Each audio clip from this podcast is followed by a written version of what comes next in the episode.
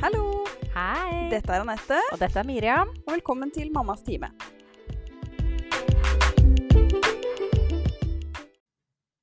Hallo!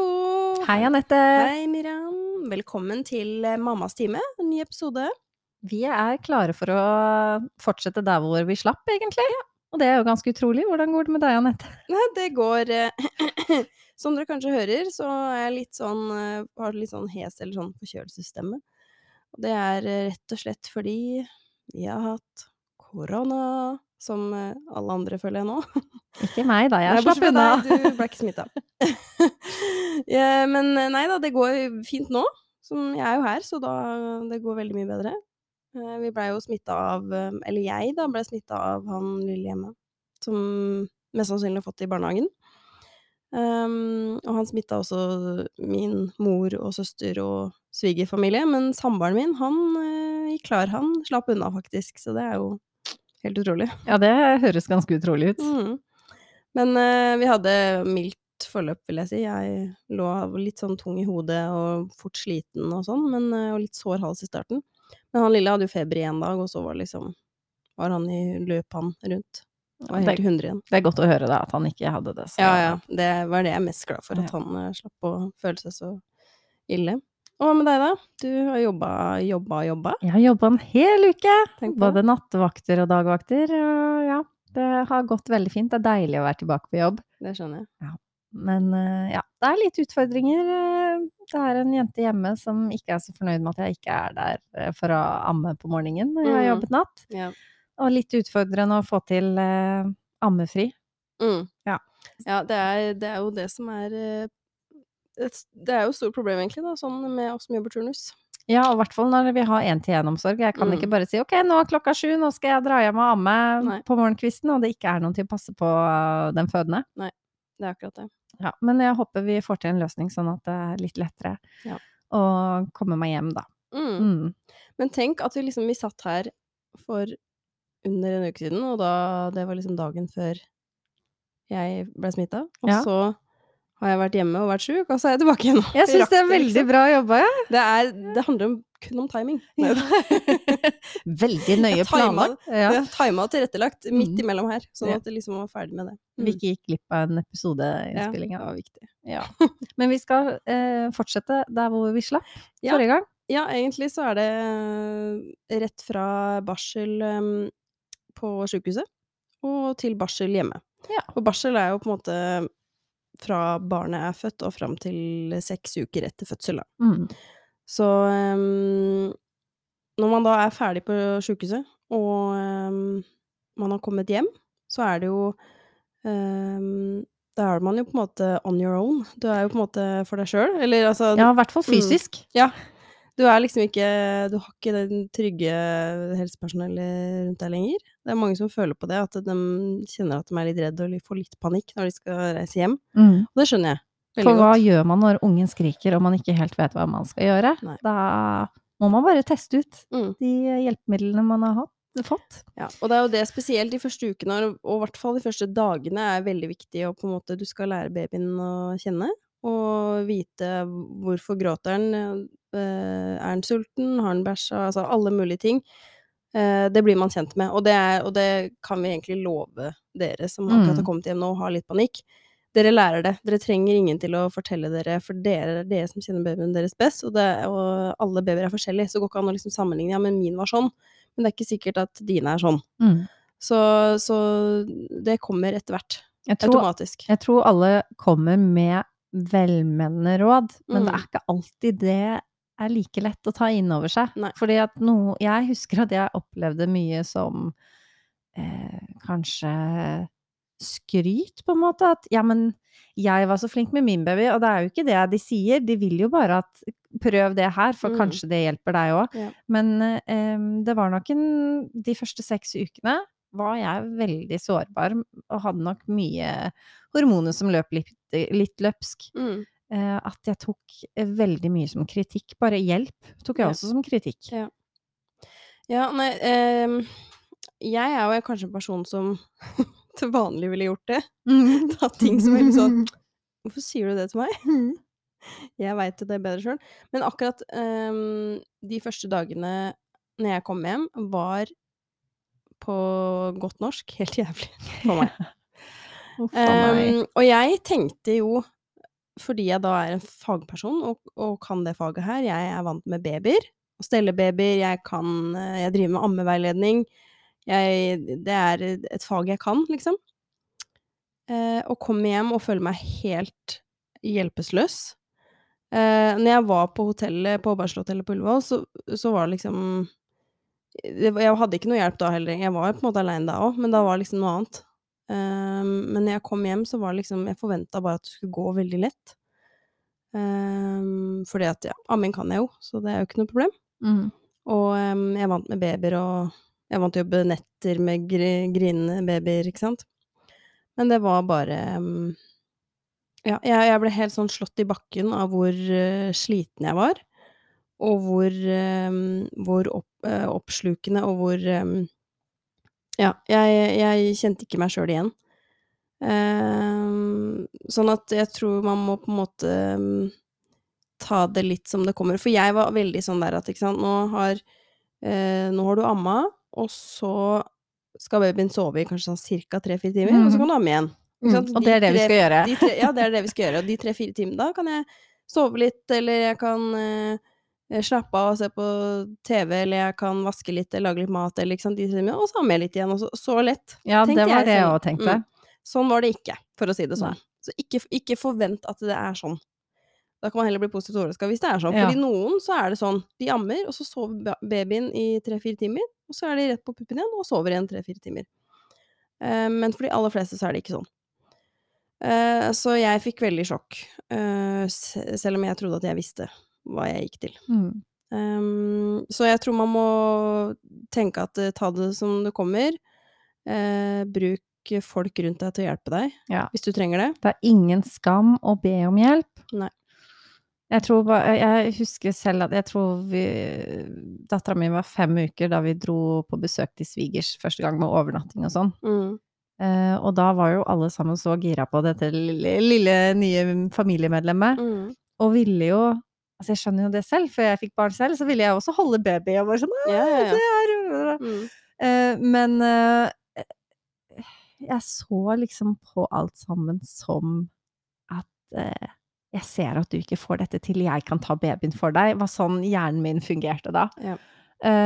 Og husker jeg sa det til mannen min nå på vei hjem, at jeg har sett på alt, alt tilbud om hjelp, har jeg sett på som at du er en dårlig mor, jeg Mm. kan gjøre dette bedre enn deg. Mm. Og han bare 'hæ, sånn har ikke jeg tenkt på det i det hele tatt', og så må du ikke tenke, de vil bare hjelpe til. Og så tror jeg vi dro tilbake igjen tre uker senere, og da var det sånn 'ok, nå må jeg bare ta imot all hjelp', nå tilbyr de seg å trille henne, de tilbyr seg å passe på henne, så kan jeg gå og sove i to timer, det er jo helt fantastisk. Mm. Og, men det var en kamp, måte, i- bare sånn 'ok, nå må jeg bare lukke ørene og ikke tenke over at jeg har barn omtrent'. Mm. Jeg må bare tenke på meg selv Ja. nå for å kunne ta imot denne hjelpen her. Mm. Ja, og det Det jeg kanskje Det jeg også syns var Det må også sies at det er lov å si nei til besøk. Det er absolutt lov. Fordi jeg forstår veldig godt Jeg syns også det var Jeg har venninner som har eh, bort, Altså, du er også venninna mi, altså, Miriam. Det var ikke sånn, ment. Andre som bor nærmere, da, som jeg liksom var sånn at jeg besøkte og sånn. Jeg syns også det er veldig gøy å komme på babybesøk og se, se på den lille babyen, ikke sant, for første gang. Men jeg syns det var helt grusomt sjøl å få besøk de første dagene. For jeg var så sliten, og jeg syns amminga var så stress i seg sjøl, og det at noen skulle være på besøk samtidig. Og jeg var bare sliten, jeg var trøtt. Eh, jeg ville ikke prate med noen. Jeg, var- jeg syntes det var helt grusomt besøk. Så liksom, og så hadde jeg en sånn runde der liksom de nærmeste var innom, og så var det nesten så jeg bare måtte komme meg gjennom det, for jeg syntes det var så slitsomt. Eh, og de siste som var på besøk, det var pappa og, og kona hans.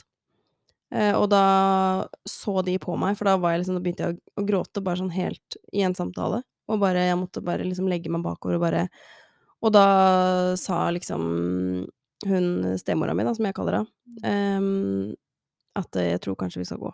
Mm. Og da, for da, da skjønte de at ok, hun er Nå går vi, liksom, Mm. for det, ja. Og da hadde jeg ikke besøk på en veldig god stund etterpå. Ja. For det, det orka ikke Jeg måtte bare liksom finne ut av ting, og det er det jeg også mener med at du må finne ut av hvordan det funker best for deg, mm. og lage rutiner. Det hadde jeg ikke gjort ennå. Eh, lage litt rutine på ting for å få det til å gå rundt. Um, og så kan man heller ta besøk senere. Ja. Så jeg, jeg skulle takka nei til flere besøk og sagt at sorry, dere må vente litt. Jeg må bare eh, hente meg litt inn. Mm. Um, Jeg har jo en Så- sånn egen regel mm, på at med i hvert fall venninner som føder, familiemedlemmer har jeg ikke sånn veldig rutine på det, men med venninner som føder, så eh, sier vel ikke jeg at jeg vil komme på besøk før det har gått to uker. Ja. Det er sånn, jeg, takker, jeg gratulerer og tar kontakt og hører om det går bra, men aldri noe sånn Kan jeg komme på besøk? nei. Før det, det er gått to uker. nei, og det har jeg egentlig vært veldig sånn på selv òg, fordi at jeg føler meg Jeg har alltid vært, følt meg litt sånn påtrengende. Men etter å ha opplevd det sjøl, så har jeg vært veldig sånn Jeg har ikke spurt i det hele, altså i det hele tatt. Jeg har bare Mm. venta til eventuelt de kommer, eller at Mm. de har Jeg kan selv. selvfølgelig ha sagt sånn derre Si fra når dere vil ha besøk, Mm, eh, fordi at jeg kommer gjerne. mm. Men eh, ja, jeg begynner ikke å liksom presse på det før det har gått 14 dager. Nei, Det er nok eh, lurt for dere Nå Mm. sier vi til dere som har født, det er lov å si nei Mm. til å ha besøk. Alle burde forstå det og respektere det. Mm.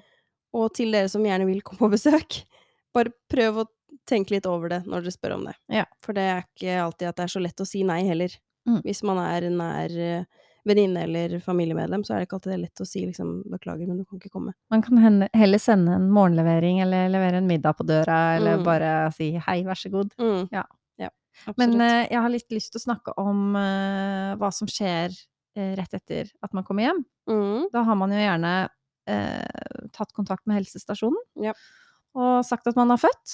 Og i løpet av en tre dagers tid så pleier man å få besøk fra jordmor, som mm. snakker litt om fødselen og hører hvordan ting går, og sjekker kanskje sting og sånn. Og så etter inntil ti dager etterpå så vil eh, helsesykepleier komme. Mm. Og da er det litt mer fokus på barnet. Tar en sjekk av vekt og, Ja. og sånn. Um, og da har jeg lest litt på forum og sånn. At skal man vaske huset, skal man servere kaffe, skal man ha bakt kake til det her? Mm.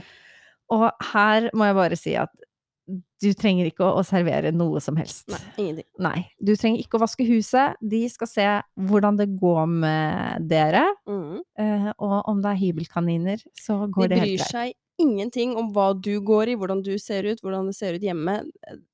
Det spiller ingen rolle. Trenger ikke å tenke på det. Og det her er jo folk du kan være helt ærlig med. De Mm. har et øh, sånn vanvittig kunnskap om hjelp du kan få hvis du Mm. ikke har det bra. Ja. Og det er jo litt overveldende å komme hjem. Men Det er, det er, øh, det er godt å komme hjem òg. Mm. Det syns jeg. Mm. Når du får landa, så er det, er det godt. Mm, og man er helt Man blir ikke helt sluppet fra sykehuset heller. Man har Altså fram til babyen er 14 dager gammel, så har man mulighet til å ha kontakt med barselavdelingen for Mm. å stille spørsmål, eller hvis man tror det er noe akutt Ja. med babyen. Man har det. Mm. Eh, et av liksom Jeg tenker liksom de viktigste tinga sånn Som jeg vil si, og spesielt etter å ha opplevd det selv, er liksom søvn, amming, Mm. eventuelt morsmelkerstatning hvis man ikke ammer, eh, og få i seg mat selv. Ja. Det er liksom de tinga du skal prioritere. Det er jeg helt enig med deg. Hvis du ikke har noe overskudd, eh, så er liksom de tre tinga de aller viktigste. Du skal overleve, barnet ditt skal overleve, og du er nødt til å sove for å overleve, og få i deg mat. Mm. Det er liksom That's it. Jeg har jo hatt eh, noen utreisesamtaler på jobb i dag, og da var det damer som bare åh, det er så skummelt å reise hjem, og mm, tenk eh, Altså selv om man får hjelp om man har partner og sånn der, så har man ikke erfaring med spedbarn, eller nyfødte, da, på samme måte. Så sa jeg til dem at du har kjærlighet, du Ja. har en varm og god kropp, babyen kan ligge inntil, og du har melk i puppene. Mm. Det er det viktigste. Skift en bleie i ny og ne. Ja. Men altså, kjærlighet og om Det kommer du langt med. Mm. Det er aller viktigste. Ja. Um, jeg Det her var også ting jeg sleit veldig med. Uh, og på en måte Og det er veldig teit å si at jeg tenkte at å, jeg måtte rydde der og der. Mm.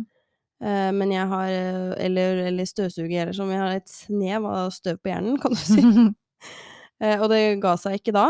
Så jeg tenkte at det måtte Altså, litt gjorde det jo, for jeg kjente jo etter hvert at ok, men det er bare drit i det, for jeg, jeg klarer ikke å kombinere det. Og det er ikke noe nederlag, det. Sånn er det for de fleste. Så jeg bare Vi dropper å støvsuge i dag, det trengs ikke. Så må jeg heller konsentrere meg om eh, meg selv. Ja. Det er det viktigste. Jeg kjøpte robotstøvsuger før jeg fødte. Det Det er den beste investeringen jeg har gjort noensinne. ja, det var nok veldig lurt. Ja, jeg er veldig glad i den. Ja. Eh, nei, og så eh, dette med amming. ehm, Mm. Jeg tenkte egentlig vi skulle ta bare litt sånn Fordi at amming er et ekstremt stort tema. Så Vi må noe- nevne det. Vi må nevne det, Ja. fordi det er jo viktig. Men eh, hvis man skal liksom gå i dybden på det, så tror jeg man må på en måte nesten ha en episode. For det Mm. tar litt tid. Men da igjen. trenger vi også spørsmål fra Ja, lytterne våre. Så vi- hvis det er noen som har spørsmål om amming, alt under amming, så tar vi gjerne en hel episode om det. For Mm. det, er, eh, det er mye der, for å si det sånn. Ja. Men det jeg i hvert fall kan si, sånn, de viktigste sånn, punktene under amming når man har kommet hjem, eh, så er det litt det der med eh, melkeproduksjon har mest sannsynlig kommet eh, ordentlig i gang. Du har Mm. kanskje allerede fått ordentlig melk, og ikke den eh, gule råmelka lenger. Eh, og så er det babyen som på en måte bestemmer litt melkeproduksjon etter hvor mye den trenger. Mm. Den reguleres eh, etter hvert, den eh, eh, melkeproduksjonen din. Det kan hende Ja. får veldig mye, Mm. Og så tenker du 'å herlighet, nå får jeg overproduksjon, og jeg må selge melka', eller holdt på å si donere den bort. Jo, jo, men de gjorde det da jeg ble født. Ja, ja.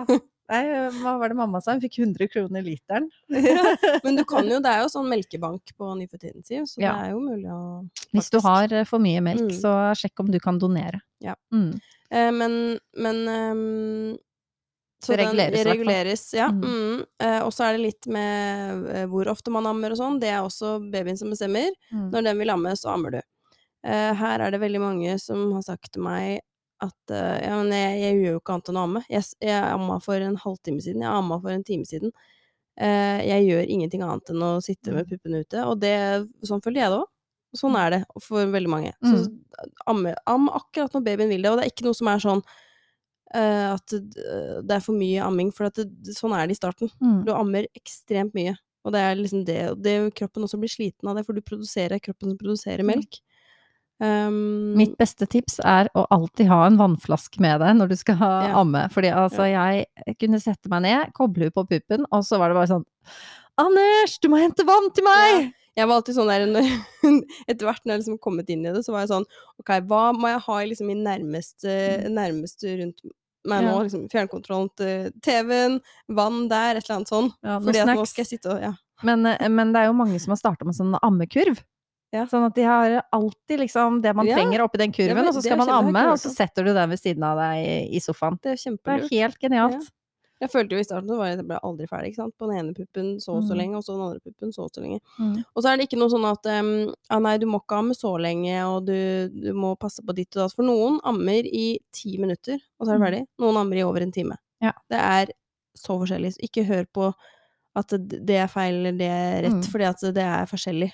Mm. Um, og så er det jo litt sånn om dette med um, pumping har jeg, har jeg tatt som et punkt, og det er jo det er også ting man ser litt an. Jeg var litt sånn sår um, i starten, som de fleste er. Mm. Og jeg vet at det er veldig må Dette her må jeg si. Ja. Det er veldig mange som uh, sier at Eller i hvert fall på sjukehus og fagpersoner, at hvis du får såre knopper, så suger barnet feil. Ja. Og det er Ja, det er på en måte hovedgrunnen, som regel. Men eh, mitt barn sugde riktig, jeg vet hva som er riktig sugerep, jeg ble fortsatt sår. Ja. Jeg òg. Jeg tror ikke man kommer utenom det uansett. Nei, jeg, jeg er også overbevist om det. Og Ja. det står, spesielt på Ammehjelpen sine sider, så står det det skal ikke gjøre vondt å amme. Nei. Når du først har blitt sår, så gjør det vondt Ja. uansett. Ja. Og det er det. eh, Disse brystknappene er ikke vant til så mye eh, stimulering. Eh, og det blir det når de ammer, at det, blir, det kan ikke noe annet enn å bli sårt. Uansett hvor riktig barnet suger. Så det må jeg bare si. Det er veldig Mm. vanlig.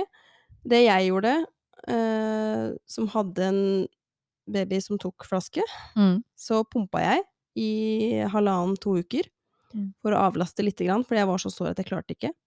Så jeg pumpa og ga på flaske, og så liksom hadde de grodd, Mm. hva jeg skal si. Hadde de blitt um, Hva var det ikke sår lenger? Og så begynte jeg å amme igjen. Mm. Og det gikk fint. Jeg husker jeg snakket med deg Mm. om det her, fordi Mm. at jeg hadde samme problematikk. Ja. Eh, jeg jeg fødte rett før påska, og Mm. fikk såre bryst eh, Ja, det var jo akkurat da vi gikk inn i de røde dagene, så alt var stengt, og jeg ringte til jobb og bare Nå trenger jeg hjelp! Mm. Jeg var helt desperat. Det var som kniver Ja, det var helt hver gang jeg skulle amme. Det var Ja, så jeg var helt desperat. Men Mm. jeg tok to dager pause med pumping, Ja, ikke sant. Ja. og jeg må Jeg bare si at ta- den pumpelyden Altså, jeg kan bli kvalm når jeg hører den lyden Ja, og det. ser pumpeutstyr og sånn. Jeg, jeg, det er Det er Jeg skal ikke si at det er traumatisk, men jeg er ikke veldig glad i, i det apparatet der. Nei, jeg eh, husker Jeg kan høre pumpelyden når jeg sitter nå, når jeg tenker på det.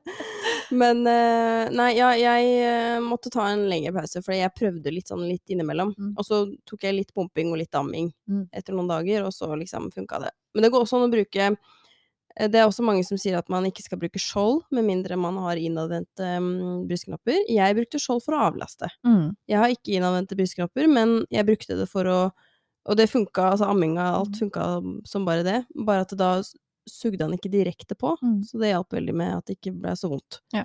Og så til slutt så amma jeg, og jeg amma et år, sånn at det, det Mm. Jeg bare sier ikke gi opp med en gang. Prøv Nei. å spørre om hjelp eh, fra fagpersoner. Vi har ammepoliklinikk på Ullevål. Jeg fikk kjempegod oppfølging der. Ja. Så jeg, jeg ja, bare spør om det. Jeg prøver alltid, hvis Ja. kvinner har eh, problemer, eh, litt sånn ammeutfordringer før de drar, så prøver jeg alltid å booke en time Mm. før de reiser hjem fra sykehuset. Og så er det på helsestasjonen også, så er det jo jordmødre, noen barnepleiere jobber på helsestasjon som er gode på amming, og så Mm. tror jeg sikkert noen helsesykepleiere som også kan det. Mm. Eh, De har jo gjerne ammeskole og sånn. Ja, ja, og spør heller om hjelp enn å gi opp. Mm. For jeg også var Jeg tenkte sånn å herregud, det her det her går ikke, liksom. Mm. Det er så Jeg må, jeg må bare bruke flaske. Men så var jeg så Motivert. villig, ja, og jeg Ja. veit at amming er så bra for barnet. Ja. At jeg følte bare at jeg må, jeg skal få det til. Og jeg er så glad for at jeg ikke ga opp. Og det er så koselig. Ja, det er så koselig. Og det er så mye mer lettvint. Ja. Og bare kunne ha Du har jo puppen med deg Ja, ikke der du er. Og bare slenge den ut og gi barn mat, i stedet for å måtte være avhengig av varmt vann og blande Mm. mm. morsmelkerstatning og holde på. Uh, så gi det noen forsøk før du gir opp, Mm. og spør om, spør om hjelp. Ikke glem det. Spør alltid om hjelp. Jeg satte grenser for meg sjøl. Mm. Sånn, det tok fire uker fra fødsel til ammingen var på plass hos meg. Ja.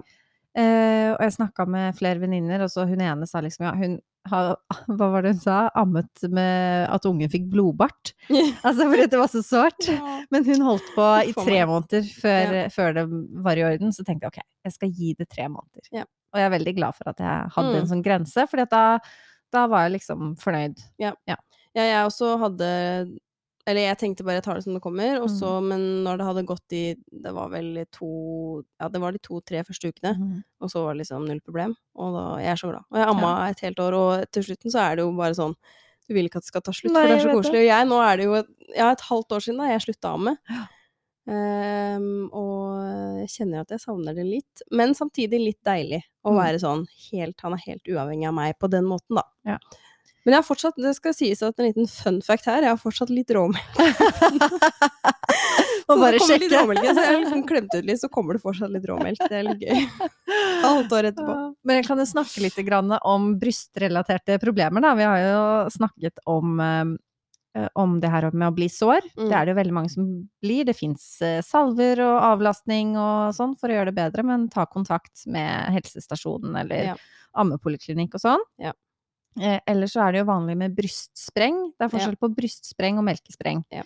Brystspreng det skjer gjerne to til fire dager etter fødsel. Det er overgangen fra denne råmelken til morsmelk. Mm. Og det gir økt blodtilstrømning til brystene eh, og væske i brystvevet. Og da kan det oppleves som hovne og vonde og litt sånn harde, men det går gjerne over etter en uke. Ja. Eller før.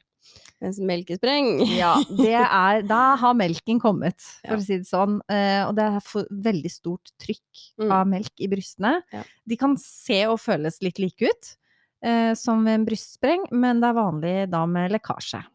Ja, og, det, og spesielt eh, lekkasje sånn eh, Det er helt vanlig hvis du lurer på det, hvis du ammer på det ene puppen, mm. så kan det sprute melk ut fra den Ja, andre puppen. Det, er helt det. vanlig. Så jeg husker jeg alltid måtte liksom sitte og ha liksom ja, jo- Ammeinnlegg, Ammeinnlegg, det hadde jeg uansett, da. Mm. Men uh, du kjente bare at den ble klissvåt når jeg da amma Ja, den ikke sant?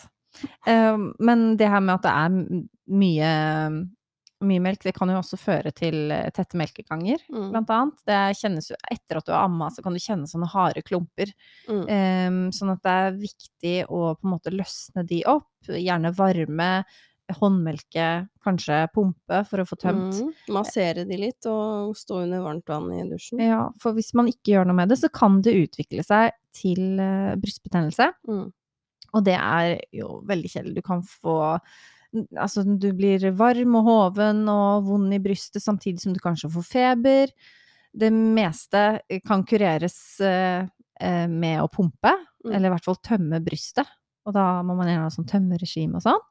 Eh, eller man kan være uheldig og ha fått sprekker i brystkroppen, altså sår, og så kommer det bakterie inn. Og det, da kanskje det må behandles med antibiotika. Ja. Gjør det ikke det, så kanskje det kan utvikle seg til en absess. Ja, det er um, Hvis du søker opp det her nå, så kan det også stå mastitt. Det er på en måte Mm. det samme, da. Ja. Um, men uh, ja, uh, som sagt igjen, spør om hjelp før det her Mm. skjer. Ikke vær redd for det. Mm. Um, for det er veldig vanlig. Det er mange som opplever det. Investerte du i brystpumpe før du fødte? Ja, jeg fikk en, eller arva en, eller hva jeg skal si, som Mm. aldri ble brukt, men som jeg fikk, og så kjøpte jeg en, så jeg hadde to. Ja. Eh, Jeg hadde egentlig Så jeg bytta litt på, men, eh, men jeg hadde egentlig bare behov for én, Ja. Ja. Ja, jeg, jeg endte opp med å kjøpe da alt var så sårt og vondt. Mm. Og så skaffa jeg meg sånn derre eh, Jeg vet ikke, Nature Bond heter det vel. En sånn silikontrakt, på en Ja, måte, som ja. skal avlaste Du kan bruke det både som melkeoppsamler når du Mm. ammer, istedenfor eh, sånn eh, ammeinnlegg. Eh, men jeg har brukt den veldig ofte for å avlaste, Ja. og det har vært gull. Og så vil jeg si Purulan. Kjøp Purulan.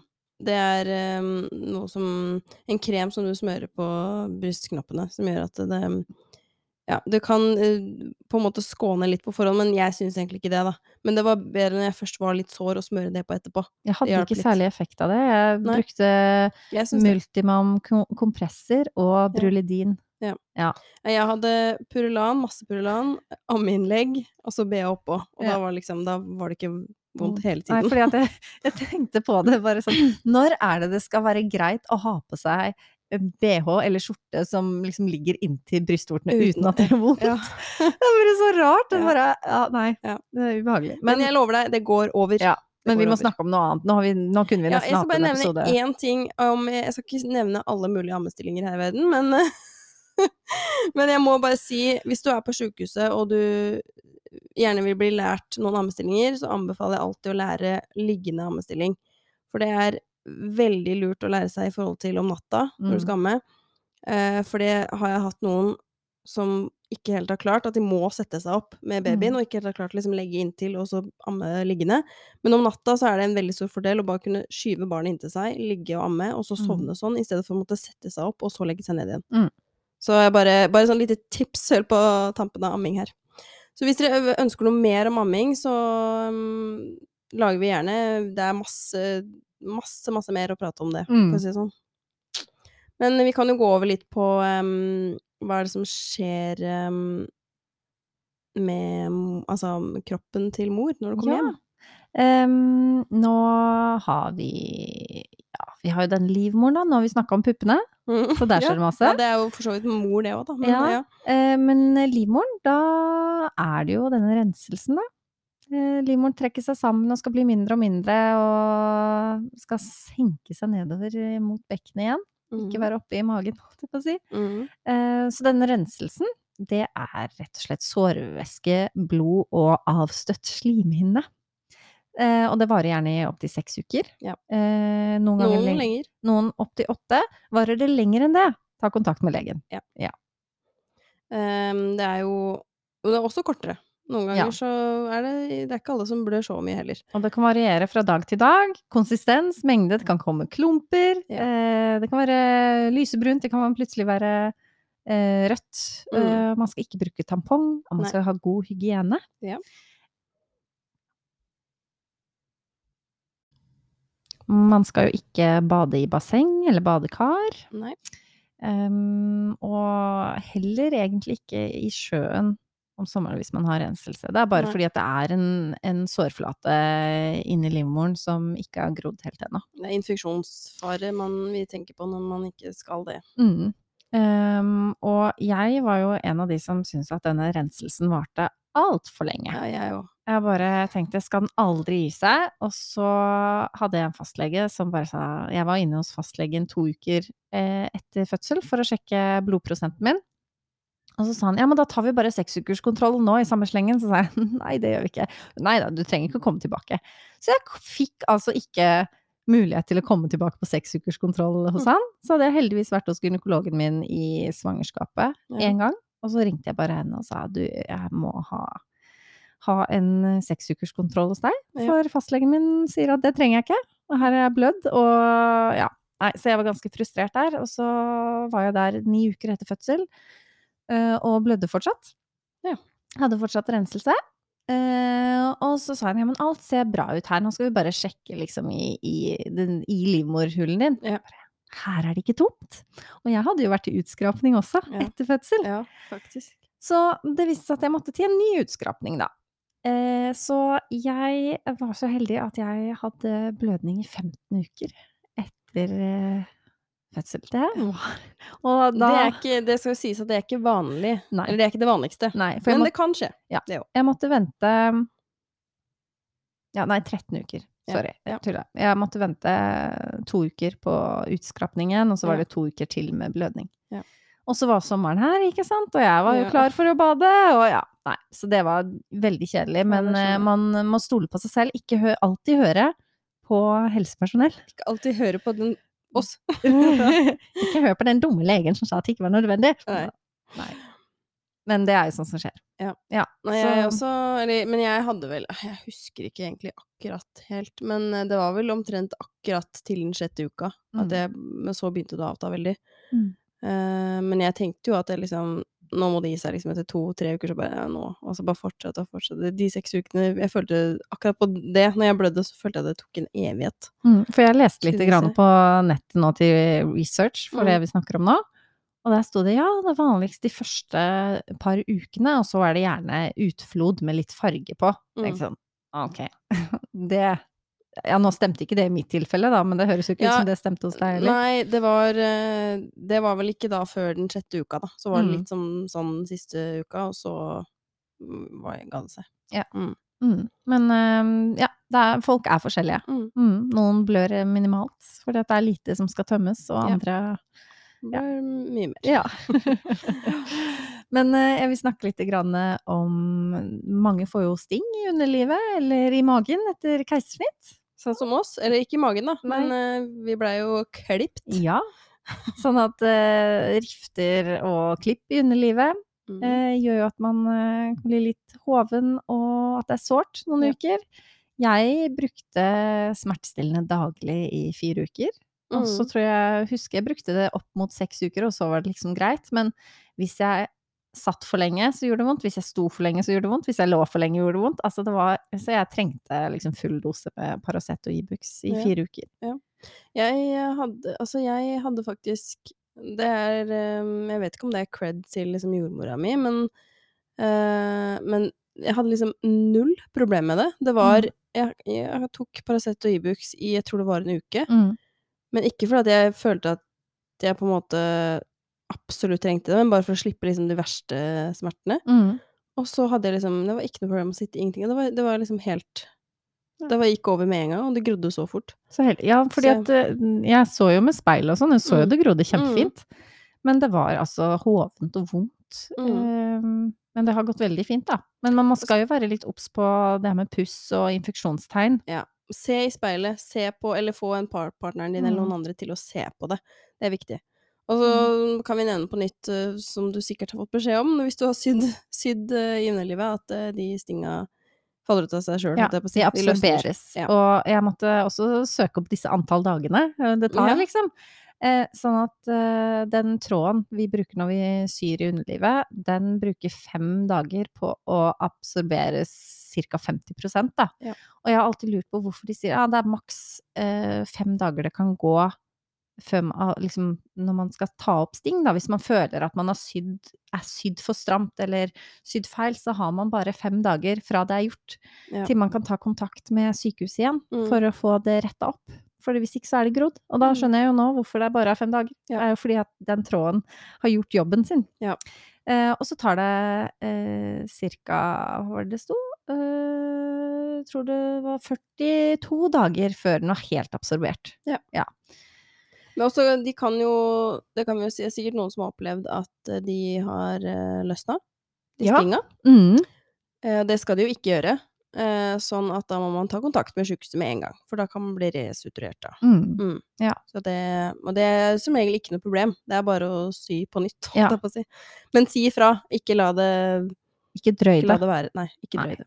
Eh, så tenker jeg også eh, Altså, det, er, det vevet som er der, er jo veldig liksom tilgivelig, som jeg pleier å Mm. kalle det. Det er, eh, gror veldig fint der nede. Det er akkurat som i munnen, er det ikke det? At Ja. det Mm. gror, og det gror veldig fint og veldig fort. Det Mm. er derfor man også ikke skal vente med Ja. å Og de det. fleste keisersnitt så sys man jo også med sånn absorberende sutur, da. Eh, sånn at det er noe strips og noe teip over. Eh, Mm. Og er jo på en måte Huden og muskelen er jo ja, i hvert fall huden er grodd i løpet av syv dager. Ja. Men man skal være forsiktig med løft og dytte tung vogn og sånne ting Ja, ja. i, eh, i seks uker, da. Mm. Ikke noe situps før etter tre måneder og sånn. Akkurat der så er det jo en større forskjell da på vanlig vaginalfødsel og Mm. keisersnitt. Ja, Mm. det er det. Men uh, seks uker er liksom den magiske grensa, Mm. føler jeg. Ja, det er det. Eh, ja, og så noen er, har jo fått eh, agraffer eller stifter i Mm. operasjon. Det er gjerne de som har hatt det grad 1-snittet, da, det som Mm. skal umiddelbart forløses. Det er da Og- altså i magen, ikke ned. Mm, Du får ja. ikke stifter nei, nei, i vagina. nei, men de må, må du fjerne hos fastlegen, da. Mm. Så, men det gjøres også i løpet av første ti dagene etter fødsel. Eh, vi kan jo eh, Vi har jo litt sånn første um, dobesøk, for Mm. eksempel. Ja, jeg var Eh, livredd. jeg var så redd.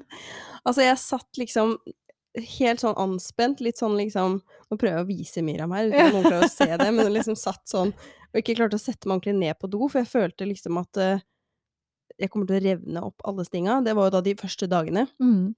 Da du kjenner at du må på Men det skjer ikke, altså. Det skjer ikke, og du kan trykke, og du kan Altså, det, det er ikke farlig, og når jeg først fikk gjort det, så føltes det akkurat ut som før. Mm. Det er bare akkurat idet du føler at du skal, så er det sånn Shit, det her er eh, Ja. Men Mm. det er ikke farlig.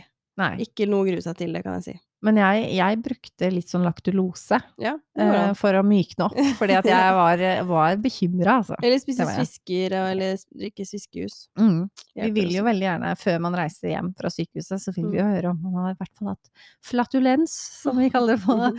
eh, At man har klart å få ut noe luft, eller at man Mm. har klart å ha avføring, da. Ja. Mm. Mm. Um, og så har vi jo mm, Jeg tenkte egentlig jeg skulle snakke litt mer om sånn I forhold til det vi nevnte litt om i stad, om det å skaffe hjelp og sånne ting. Mm -hmm. uh, for jeg uh, For meg, de første ukene, så var det akkurat som, som jeg nevnte litt i stad, at jeg ikke var helt meg selv. Uh, jeg følte um, Det eneste jeg klarte på en måte å tenke på, var så lenge barnet mitt har det bra, så lenge han får mat og han har det bra, så er det samme med meg. Da er det ett fett med meg. Litt sånn tenkte jeg. Og det er veldig rart å tenke på nå, for nå er det sånn Jeg er jo på en måte en opp, et oppe, oppegående kvinnemenneske, liksom. Eh, men det er akkurat som at hjernen bare Jeg, jeg var ikke meg selv. Den var bare den, tenkte, jeg tenkte så mye rart. Og det var Det endte jo på en måte med at jeg ikke spiste mat selv. For jeg tenkte at jeg hadde ikke tid til det, og det var på en måte ikke noe vits, fordi at det var han som på en måte var viktig. Så jeg spiste ikke mat, og når han sov til og med om natta, eh, de første dagene når jeg kom hjem, så tenkte jeg bare at eh, jeg trenger ikke å sove, eller jeg klarer ikke å sove, for jeg må passe på han. Jeg var, jeg var helt sånn um, febrilsk. Eh, jeg var livredd for at det skulle skje noe med han. Og jeg trodde ikke at jeg skulle bli sånn. Uh, så jeg havna nok inn i en litt sånn Jeg trodde kanskje at jeg var litt deprim... Eller sånn barseldepresjon. Eller Mm. fødselsdepresjon, da, egentlig. Mm. Uh, men det, det ga seg jo etter at jeg fikk nok søvn og nok mat. Hvordan fikk du til det? Eh, det er jo det som var med Det er derfor vi sier spør om hjelp, spør om hjelp, spør om hjelp. Eh, for jeg, eh, jeg var, har alltid vært sånn jeg skal klare ting selv. Mm. Selvstendig. Jeg, ikke, jeg vil ikke be om hjelp. Um, annet enn samboeren min spurte jeg om, for det er på en måte noe annet. Men eh, eh, når det hadde gått noen dager da, så kom eh, jordmor som jeg hadde hatt i svangerskapet, hjem til oss, og hun så at jeg var liksom Jeg satt bare sånn med hår i øya, fortalte om alt, og jeg sa liksom hele tida til henne 'Se hvor gul han er! Se hvor gul!' Og samboeren var sånn 'Hæ?' Han bare Du tenkte hva, på gulsott? Jeg tenkte på gulsott. Uh, og jeg tenkte bare 'se hvor gul han er'. Så, og, og, og jeg var, ikke sant Jeg veit jo åssen en gul unge ser ut. Men jeg klarte ikke Det var akkurat som at Og så kom hun inn og bare Men Anette, jeg, jeg kommer inn her med ferske øyne, jeg ser han er ikke gul. Jeg var helt sånn febrilsk. Um, og uh, hun så at jeg var liksom langt nede. Mm. Så da fikk jeg liksom prata om det og faktisk fortalt hvordan jeg hadde det. Det hjelper alltid å prate om det, sette ord på det. Ja. Om det så er å skrive dagbok bare for Mm. å få det ut, så Så jeg, det det endte med, var at jeg ringte mamma. Eh, jeg har veldig nært forhold til mamma og søstera mi. Em, og selv om jeg på en måte føler at jeg kunne uansett sagt det til de, eh, så var jeg fortsatt litt sånn at Men nå har jeg fått baby, så nå må jeg på en måte klare meg. Nå er jeg mamma, liksom. Mm, Så nå er jeg voksen. Ja, nå er jeg voksen. Nå må jeg klare Mm. meg sjøl. Nå kan ikke jeg drive og spørre om hjelp eller mm. eller klage til hun. Eh, Så jeg ringte hun og fortalte akkurat som det var. Hun kom med en gang, og lillesøstera mi. Og fra da så ble det mye bedre. Alt ble Mm. mye bedre. Da Ja. fikk jeg mamma omtrent tvingte i meg mat. Eh, Søstera mi eh, og mamma for så vidt, da, passa på han sånn at jeg fikk sove. Altså, søstera mi var der til og med eh, utover kvelden og liksom på fornatta, sånn at jeg kunne sove noen timer. Mm. Og så kom hun med han på natta, sånn at jeg kunne amme og sånn, og så dro hun hjem. Og det gjorde hun i mange, det gjorde mange netter når jeg trengte det. Og jeg tror Jeg vet ikke om jeg hadde klart meg uten den hjelpa. Da, altså da hadde jeg gått helt fullstendig i kjelleren. Eh, og det er det som er fælt, er at jeg eh, Å fortelle om det nå så jeg, er det litt sånn Jeg har litt skam i det. Ja, for du føler du mister jeg ansiktet litt, og ja, jeg føler at jeg er Jeg var for dårlig mor, eller for dårlig Åh. menneske. At jeg måtte liksom At jeg var så ille at jeg måtte be om så mye hjelp. At jeg følte meg litt, litt sånn smålig. Det er så vondt å høre på at du hadde det sånn, og i hvert fall at du var- fortsatt liksom kjenner Ja, på det. Ja, jeg kjenner fortsatt på at det var litt skam at jeg måtte ha hjelp, liksom. At jeg ikke klarte det sjøl. Så det kjenner jeg den dag i dag fortsatt. Og nå er det halvannet år siden, da. Jeg tenker det er så Um, fint at du deler det. Ja, og det er, det er liksom veldig stort poeng med den podkasten her, å få fram at uh, det er det veldig, veldig mange som har det sånn, det Mm. veit jeg. Uh, så vær så snill og be om hjelp, fordi ting blir så mye bedre. Bare om du trenger å fortelle det, om hvordan du faktisk har det, at nå har jeg det helt grusomt. Jeg, har det, jeg er ikke lykkelig, jeg er ikke den der babybobla der som alle prater om. Mm. Og det er veldig mange som ikke er det. Det er bare det blir prata om, men det er, det er slitsomt, det er tungt i starten for de aller fleste. Så bare snakk med noen om det, spør om hjelp hvis man trenger det. Og det er ikke noe skam i det. Jeg vet det selv, selv om jeg føler på fortsatt på det selv at det er det, så er det ikke det. Jeg veit jo det. Mm. Og du er ikke aleine om det. Jeg tenkte jo sånn at jeg er den eneste i hele verden som har det sånn, og som har følt det sånn, men det er jo ikke sant. Mm. Jeg husker du eh, Ja, jeg skrev i hvert fall til deg noe sånn 'Å, hvordan går det?' Bla, bla, bla. Mm. Og så skrev jeg 'Nei, jeg har faktisk hatt det litt tøft'. Mm. Og så syns jeg det var vanskelig Jeg følte at det, det ville være graving hvis Ja. jeg jeg spurte 'Ja, men hva mener du? Er det noe jeg kan gjøre?' Eller liksom Mm. Ja, jeg syns det var eh, Det er litt vanskelig å få det, ha deg litt sånn på Både i avstand fysisk, Mm. men også at de ikke har sett deg på en stund. Ja. Og så har man jo lyst til å hjelpe, Mm. men så var det åh, skal, jeg, skal jeg spørre, eller har hun kontroll på det? Eller det er vanskelig å Mm. vite hva man Ja, skal gjøre det. som venninne òg. Ja. hva syns du hadde vært best? Um, nei, jeg Ja, jeg vet ikke helt. Jeg, jeg syns det egentlig var greit å kunne fortelle det, Mm. hvordan jeg hadde det. Um, men samtidig så syns jeg det var slitsomt fordi at jeg selv ikke helt visste hva det var jeg kjente på. Fordi jeg Mm. husker samboeren min spurte meg alt sånn Men hva er det som gjør at du føler det sånn? Hva er det som gjør at du føler det? Jeg, jeg følte meg jo omtrent Jeg kan egentlig si nesten ulykkelig. Liksom sånn Mm. jeg, det er jo ikke, jeg har ikke noe lykke her, liksom. Jeg bare går rundt og er stressa og redd for han lille, det lille mennesket her. At Han er liksom Jeg er livredd for at det skal skje noe med han. Det var jo det største problemet her. At jeg ikke spiste, ikke sov. Mm. Fordi at jeg var så opphengt i at han skulle ha det bra. Um, og mista helt meg sjøl. Sånn at uh, Ja, nei, jeg bare um, Jeg syns det var vanskelig å, å beskrive jeg, jeg forklarte det vel litt som sånn når han når samboeren min liksom spurte meg hva, hva er det du kjenner på, hva er det som er vanskelig, så var jeg alltid egentlig sånn jeg vet, jeg vet ikke hva det er. Nei. Jeg kan ikke forklare det, men det er akkurat som uh, når du har skikkelig kjærlighetssorg. Mm. Og det veit de fleste hvordan føles. Sånn følelse var det. Sånn den skikkelig intense kjærligheten. Ingenting sånn- hjelper. Ingenting hjelper, uansett hva folk sier eller Mm. gjør, eller Det var ingenting som hjalp, liksom, før jeg hadde kommet noen dager der jeg fikk ordentlig søvn, ordentlig mat, eh, og prata ut om det, og så begynte det å gå bedre.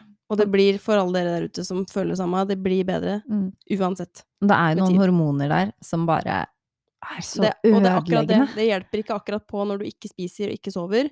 Så kommer de hormonene, og du blir helt Ja, Mhm. det er ikke Jeg- rart. Jeg husker eh, Nå har ikke jeg hatt sånn som du hadde, men jeg hadde noen voldsomme runder med barseltårer. Mm. Der hvor vi sleit mye med mm, kveldsuro. Og eh, babyen min, hun eh, lå hylgrein på stellebordet den ene kvelden. Mm. Og mannen min hadde tok seg av liksom skiftet og alt mulig sånn. Og så begynte jeg å hylgrine. Fordi at jeg takla ikke å se henne sånn. Så jeg var så glad for at han i hvert fall ikke hadde mine hormoner, og kunne liksom stå i det og se det med litt sånn ja, eh, normale øyne, da. For jeg Mm. måtte bare gå derfra, og gikk og liksom la meg på senga som jeg var 14 år, og, Mm, og hadde liksom de verste hormonrundene i, ja, i puberteten. Men, det, men det Eh, er litt sånn man, kroppen bare Du, du klarer liksom Mhm. ikke å Ja, den bare mm, tuller med deg. Ja, og de barseltårene, de jo, kan vare timer eller en dag i ny og ne og sånn. Men eh, ja. Ja.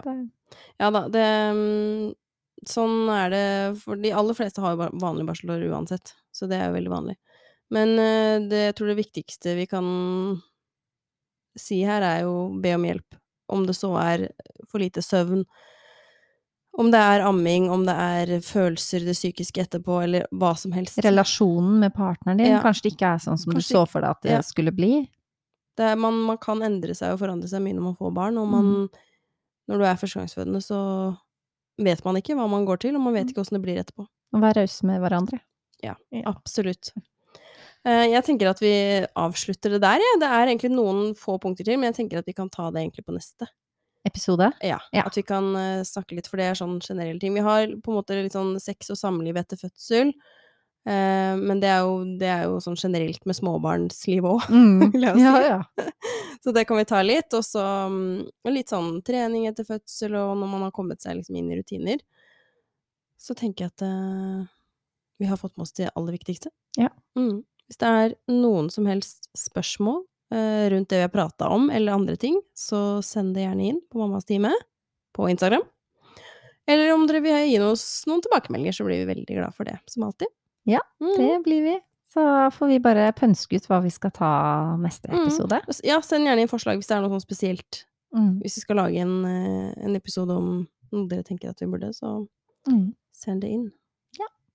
Da sier vi takk for oss. da. Takk for oss! Ha det bra!